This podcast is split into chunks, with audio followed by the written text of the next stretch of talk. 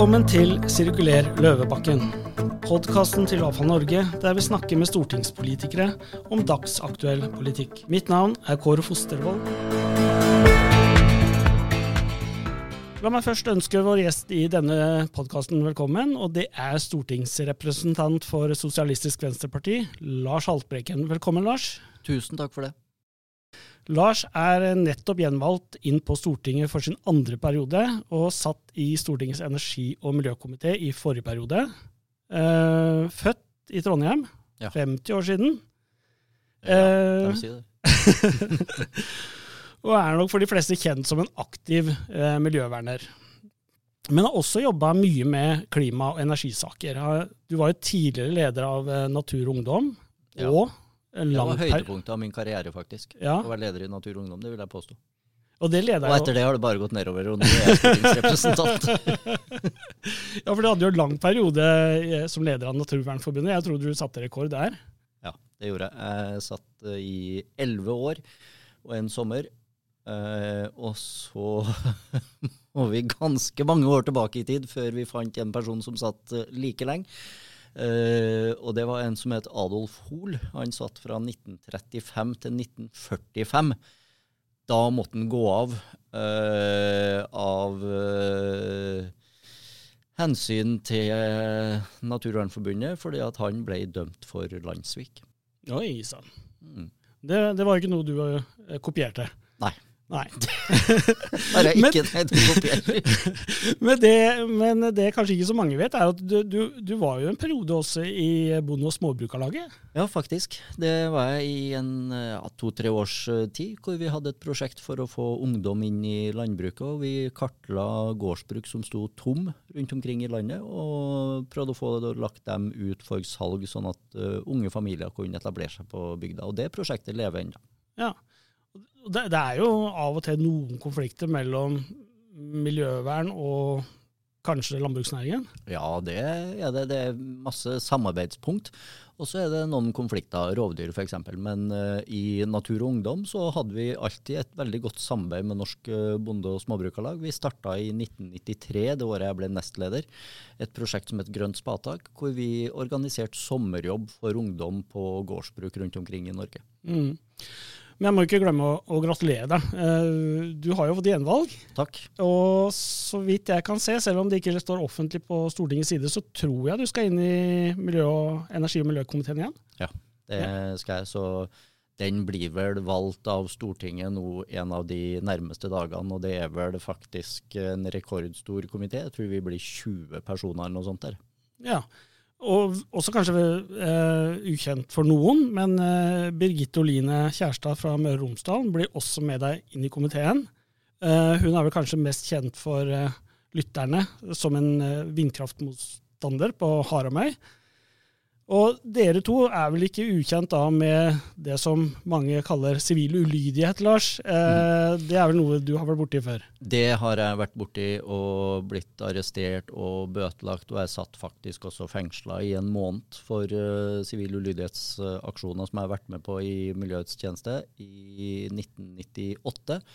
Eh, den kjedeligste måneden i mitt liv, uh, men allikevel ganske lærerik, for der traff jeg jo en god del mennesker som jeg sannsynligvis ikke ville ha blitt kjent med ellers. Uh, og så er det nok stor forskjell på det å sitte i fengsel og være stolt av det du har gjort, sånn som jeg var, og det å ikke være så stolt av det du har gjort. Så det var nok en god del tyngre for dem å sitte her enn det var for meg.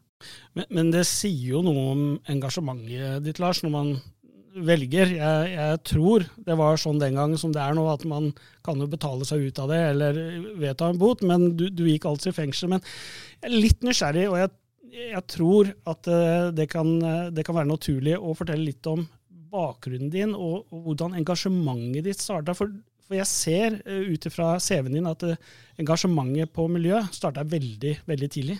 Ja, jeg var 17 år da jeg meldte meg inn i Natur og Ungdom. Det var ei jente i klassen på videregående skole i Trondheim som uh, verva meg til Natur og Ungdom. Uh, og så ble det en uh, ganske altoppslukende sak etter hvert. Uh, og så har jeg jo spurt meg sjøl hvor kom engasjementet fra. jeg har jo i barndommen vært en god del ut i tur og mark. Uh, og hadde hytte på Hitra, drev med fiske. Uh, søndagene på høsten så var det blåbærplukking og tyttebærplukking. Dette var jo på 70-tallet, begynnelsen av 80-tallet, når vi fortsatt holdt på med det. Uh, og så kom dette engasjementet. så, Dette var jo da i 1988, og da var jo diskusjonen ozonhølet, det var sur nedbør. Det var et par år siden uh, atomkraftulykken i Tsjernobyl. Uh, miljøorganisasjonene uh, drev med det vi kalte for tønnegraving. Vi for inn på industriområder og gravde opp ulovlig nedgravde miljøgifter. så det var nok med å vekte mitt engasjement. Og så trodde jeg nok at de problemene vi står foran, de er menneskeskapt. Ergo kan mennesket også gjøre noe med dem. og det meste av de problemene vi sleit med den gangen, har vi løst. Ozonhølet er på bedringens vei. Sur nedbør er ikke et uh, problem i samme skala uh, lenger, men nå er det naturkrise, det er klimakrise, andre ting som vi uh, må, må, jobbe med. I hvert fall så ble dette engasjementet så stort at når jeg var ferdig med videregående og skulle begynne på studier, så tok jeg forberedende og begynte på historie grunnfag. Men uh, natur og ungdom tok all tida mi, så det ble ikke noe studier. Men, men, men, selv altså, i den perioden så var jo ikke internett og Facebook så stort. Men, men, men det, å være, det, å være, en frontfigur for miljøbevegelsen i et land der på en måte man får høre at uh, olje- og gassrikdommen gir oss en god velferd, uh, det må jo ha vært litt vanskelig i Altså Det må være noen opponenter mot miljøbevegelsen arbeid eller de frontene av de sakene som du har stått ved, og det har jo Det har det alltid vært. Uh, og det er klart at uh, til tider så kan det være krevende og tøffe diskusjoner. Uh, men jeg ser jo veldig tydelig i løpet av de fire siste årene hvor jeg har sittet på Stortinget, at det er ekstremt stor forskjell på om du er mann eller dame. Ja. Uh, og som mann, jeg har ikke så mye å klage på også, på hvordan jeg har blitt uh, møtt i offentligheten. Veldig lite hets og sjikane, uh, om noe. veldig lite ubehageligheter sånn sett.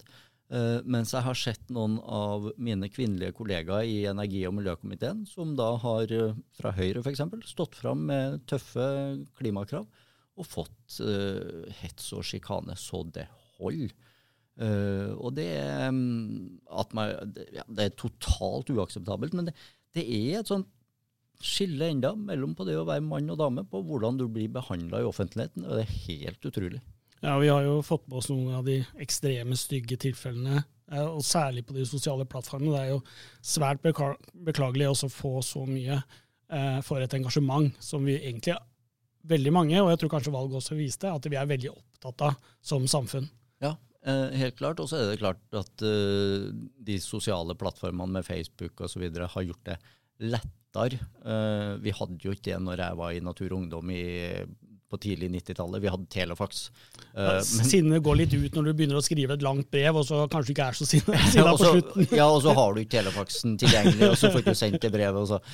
så det er klart at det har gjort det mye lettere. Eh, men det er en del som bør eh, tenke seg om både én og to ganger før de eh, hamrer løs på tastaturet og så spør seg ville du ha sendt dette til dine barn, til dine foreldre. Det tror jeg mange av oss er helt enig i. Men vi må jo tilbake til politikeren, mm. eh, Lars. Eh, det har jo vært en valgkamp. Eh, hvordan syns du valgkampen ble i forhold til hva SV hadde planlagt eller trodde den ville bli?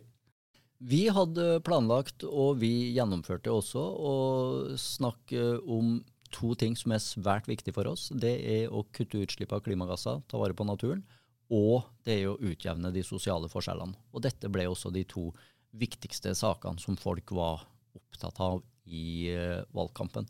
Og Sånn sett så traff vi veldig bra med vårt budskap, og det er jo et budskap som vi har hatt nå over flere år. Og så skulle man selvfølgelig ønska seg enda større oppslutning ved valgresultatet, men det tror jeg alle partier kan si. vi har i hvert fall havna i en situasjon på Stortinget som gjør at vi har mulighet til å få gjennomslag.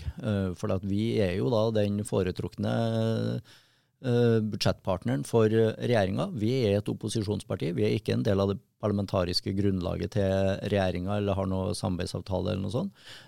Men vi har makt og innflytelse, for valget viste jo et tydelig rød-grønt flertall med 100 mandat til den rød-grønne sida. Uh, støtte kan regjeringa hente hos SV dersom de kommer med de riktige forslagene, eller blir med på de riktige forslagene.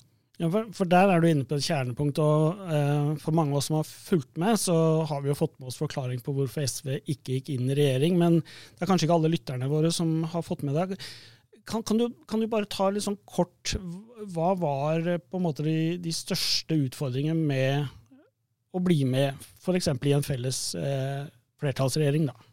Nei, det er Enkelt sagt så er det bare å lese Hurdalsplattformen, og så ser man hvorfor det var vanskelig for SV å være med på det. Men uh, vi satt jo i sonderinga uh, oppe i Hurdalen, uh, og det var viktig for oss å få gjennomslag på klima. Det var viktig for oss å få gjennomslag på en rettferdig fordeling av makt og rikdom i Norge. Uh, og så ble vi presentert for noen premisser for det videre arbeidet som, uh, man, som Arbeiderpartiet og Senterpartiet ville at vi skulle uh, binde oss til. og det ville ikke vi være med på. Det var liten vilje til å komme oss i møte på oljepolitikken. Vi var klare til å diskutere ulike forslag uh, knytta til framtidig oljevirksomhet i Norge. Vi skjønte at vi ikke hadde flertall for eh, å stanse all eh, letevirksomhet, men det var ingen vilje på den andre sida av bordet til å komme oss i møte. Og det var heller ikke noe vilje til å komme oss i møte på skatte- og avgiftspolitikken, som ville ha gjort den mer uh, rettferdig og mer uh, omfordelende. Og da kom vi til et punkt hvor vi så at ok, nå kan vi få større gjennomslag som opposisjonsparti i Stortinget for våre velgere enn å bette oss til disse premissene i en uh, regjering. Mm. Men så er vi åpne for at uh, vi kan gå inn i regjering i løpet av uh, fireårsperioden, men da skal vi starte med blanke ark. Da skal det forhandles på nytt. Jeg, jeg hører Lars, at du ikke er ny i rikspolitikken. du har jo fire år bak deg i, mm. i energi- og miljøkomiteen. Eh, også, men du kom fra miljøbevegelsen og hadde jo mye med politikere å gjøre. altså Man fronter jo sine saker. Eh, men så kom du inn på Stortinget, og du kom kanskje inn i den komiteen du ønska deg også, energi og miljø. Eh, hvordan, hvor, forklar meg noen få ord. Hvordan var overgangen fra å være en som prøvde å påvirke disse politikerne, til å være en av de som ble påvirka, eller prøvde å påvirke deg? Det kunne være at du en tirsdag morgen våkner opp til en eller annen sak på radio om eh, en eller annen utfordring i det norske samfunnet, og så våkner du og tenker hm, dette burde noen gjøre noe med. Så spiser du frokost, og så tenker du hm, denne noen er jo faktisk du. Du sitter jo på Stortinget. Eh, og, så, og, og, og, så sånn, ikke sant, at eh, jo, men dette kan man ikke gjøre, for det er ulovlig. Eh, eller det er ikke i tråd med lovverket. Nei. Nei, men vi er jo Stortinget, vi kan jo endre loven hvis vi vil. Så eh, fra å påvirke til å være den som faktisk kan gjøre noe, uh, var det. Og så er det jo da uh, Du ser uh, Det er jo mange som prøver å påvirke oss nå. Mange som sender sine innspill, og det er vi kjempeglade for. og så tenker jeg jo sjøl av og til, når vi får veldig lange innspill, detaljerte forklaringer osv., og, så videre, og vi får det fra 20, 30, 40, 50, 60 stykker, organisasjoner, så tenker jeg hmm, dette hadde du hatt godt av å vite sjøl da du var leder i Naturvernforbundet og sendt like lange innspill, at det er ikke nødvendigvis sånn at gjennomslagskraften blir større dess flere sider du skriver, eh, fordi at mottakeren skal ha en mulighet til å lese det, fordøye det, skjønne det, eh, og eventuelt bli enig i det. Ja. Og velge prioritering, kanskje. Altså, man må bør, bør kanskje prioritere hvilke saker man eh, fremmer, og kanskje ikke alle sakene, eller et, altså en bok med, med innspill. Selvfølgelig. Uh, prioritering er kjempeviktig. Mm. Uh, og det er jo det som vi kommer til å måtte gjøre også i ulike forhandlinger framover. Hva er viktigst, hva er ikke så viktig? Mm. Du er jo gjest her i Avfall Norge. Vi må jo selvfølgelig innom de sakene vi mener er viktige innenfor gjenvinningsbransjen. Eh, Stortinget har jo for ikke så veldig lenge siden behandla en sirkulærøkonomistrategi fra den avgåtte regjeringen. Hva, hva tenker du om innholdet i den? Nei, jeg tenker at Innholdet i den strategien var altfor lite forpliktende. Eh, det var en såkalt handlingsplan men eh, det var lite handling. Det var mye fagre ord og ønsker. Og vi kommer til å, bruke de fire neste årene på å prøve å få forplikta regjeringa til faktisk å gjøre noe med de eh, fagre ordene og ønskene. F.eks. når det gjelder offentlige innkjøp. I mye større grad still krav krav om at en viss andel av plastikken som det offentlige kjøper inn, skal være laga av resirkulert uh, plastikk f.eks. Still krav om at en del av det byggematerialet som det offentlige bruker, skal være laga av resirkulert materiale. Jeg var i fjor høst og besøkte en uh, bedrift eh, på Innherred, Innherred Renovasjon, som tar imot uh, treavfall. brukt kjøkkeninnredning, f.eks male det opp, sender det til Hattfjelldalen, til Arbor uh, trevarefabrikk. De produserer sponplater av det. Her er det Det er kanskje mer enn et kinderegg, for her får du gjenbrukt noen eh, ressurser. Du slipper kanskje å hogge noe verneverdig skog for å produsere nye sponplater. Eh, du får tatt vare på karbonet i dette trevirket lenger, i stedet for bare å brenne det. Så, og så skaper du arbeidsplasser, og du skaper verdier. Så mm. ja, mange kinderegg I Hurdalserklæringen Lars, så er det jo varslet at det skal komme en ny sirkulærstrategi fra den nye regjeringen, så dere får jo mulighet til å fremme mange av de punktene. Dere har et omfattende kapittel om sirkulærøkonomi i programmet deres, eh, har jeg sett. Men dere, dere, har også et annet punkt som, som, eh, bransjen er litt avventende til. Eh, det er jo dette med karbonfangst på avfallsforbrenning. Der er dere riktig ambiøse. ambisiøse. Mm. Ambisiøse. og så når, du får, når du får den klumpen i halsen nå, så får du liksom ikke tatt den igjen. ambisiøse. Eh, kan du fortelle litt om hvordan, hvordan tenker du å gå fram for å få til det? Nei, og Der har vi jo stått sammen med Arbeiderpartiet og Senterpartiet i Stortinget. Eh, både med å få fortgang i planene på Fortum Varme sitt avfallsforbrenningsanlegg her i Oslo, men vi vil jo ha satt i gang dette også i Trondheim, Bergen, Stavanger, Kristiansand og Fredrikstad. Og vi tror at vi er helt avhengig av å få tatt i bruk CO2-fangst og -lagring for å få kutta norske utslipp nok. Og Vi tror at dette er en teknologi eh, verden også er avhengig av. Og det er jo mange avfallsforbrenningsanlegg rundt omkring i verden som vil kunne ha nytte av dette. Og dette kommer til å bli et tema i eh, budsjettforhandlingene. Det gjør det. Ja, Spennende. Vi, vi har et eh, seminar førstkommende torsdag, 21., eh, der vi nettopp belyser dette med karbonfangst for avfallsforbrenning. Og det er mange prosjekter på gang som du sikkert også, også er kjent med, eh, men også noen utfordringer. Et annet tema som vi jobber mye med i Avfall Norge, Lars, det er jo biogass. Eh, og vi var veldig glad når dere og flertallet på Stortinget 27. mai i år eh, vedtok en eh, rekke punkter som, som vi mener er barrierer for økt bruk og produksjon av biogass. Disse ble jo da oversendt til regjeringen, og bransjen var jo kjempefornøyd. Lovordene var mange, eh, og nå kunne man stole på at det var fornuftig å gå til innkjøp av biogasskjøretøy, eventuelt også fartøy som kan gå på biogass. Eh, og man så at det kunne være lønnsomt også å levere tilbud i anbudsprosesser på biogasskjøretøy. Men så kom jo statsbudsjettet. Og der, etter vår tolkning, så blir altså disse forslagene stoppa. Eh, de er utreda, regjeringen vil ikke gå videre med de. Og ett av forslagene eh, foreslo da den avgåtte regjeringen at Stortinget skal gjøre om. Og det er jo dette å likestille biogass med nullutslipp i statlige planer. Eh, hva tenker du om det? Hva, hva skal bransjen nå gjøre? Kommer Stortinget til å ta det opp igjen, eller er saken avslutta? Jeg tror nok at uh, Vi forventer at Arbeiderpartiet og Senterpartiet tar tak i dette når de kommer med sin uh, tilleggsproposisjon. For det er ikke noe tvil om at vi er nødt til å gjøre mer på biogassområdet for å sikre uh, bruk av biogass og mer produksjon av det. og så skal vi se når da den nye regjeringa legger fram sitt forslag, hva de har tenkt å gjøre. men det å sikre en kraftig satsing på biogass, det kommer til å være viktig for oss uh, framover. For vi kan ikke la de ressursene uh, gå til spille. Og i hvert fall ikke i en situasjon nå hvor vi har uh, veldig høye strømpriser i Sør-Norge, så er det jo helt meningsløst å skulle sløse med den energien som er svært miljøvennlig, og som vi kan få brukt mer av. Mm. Uh, vi ser jo at uh, Stortinget har jo vært veldig opptatt av, hydrogen.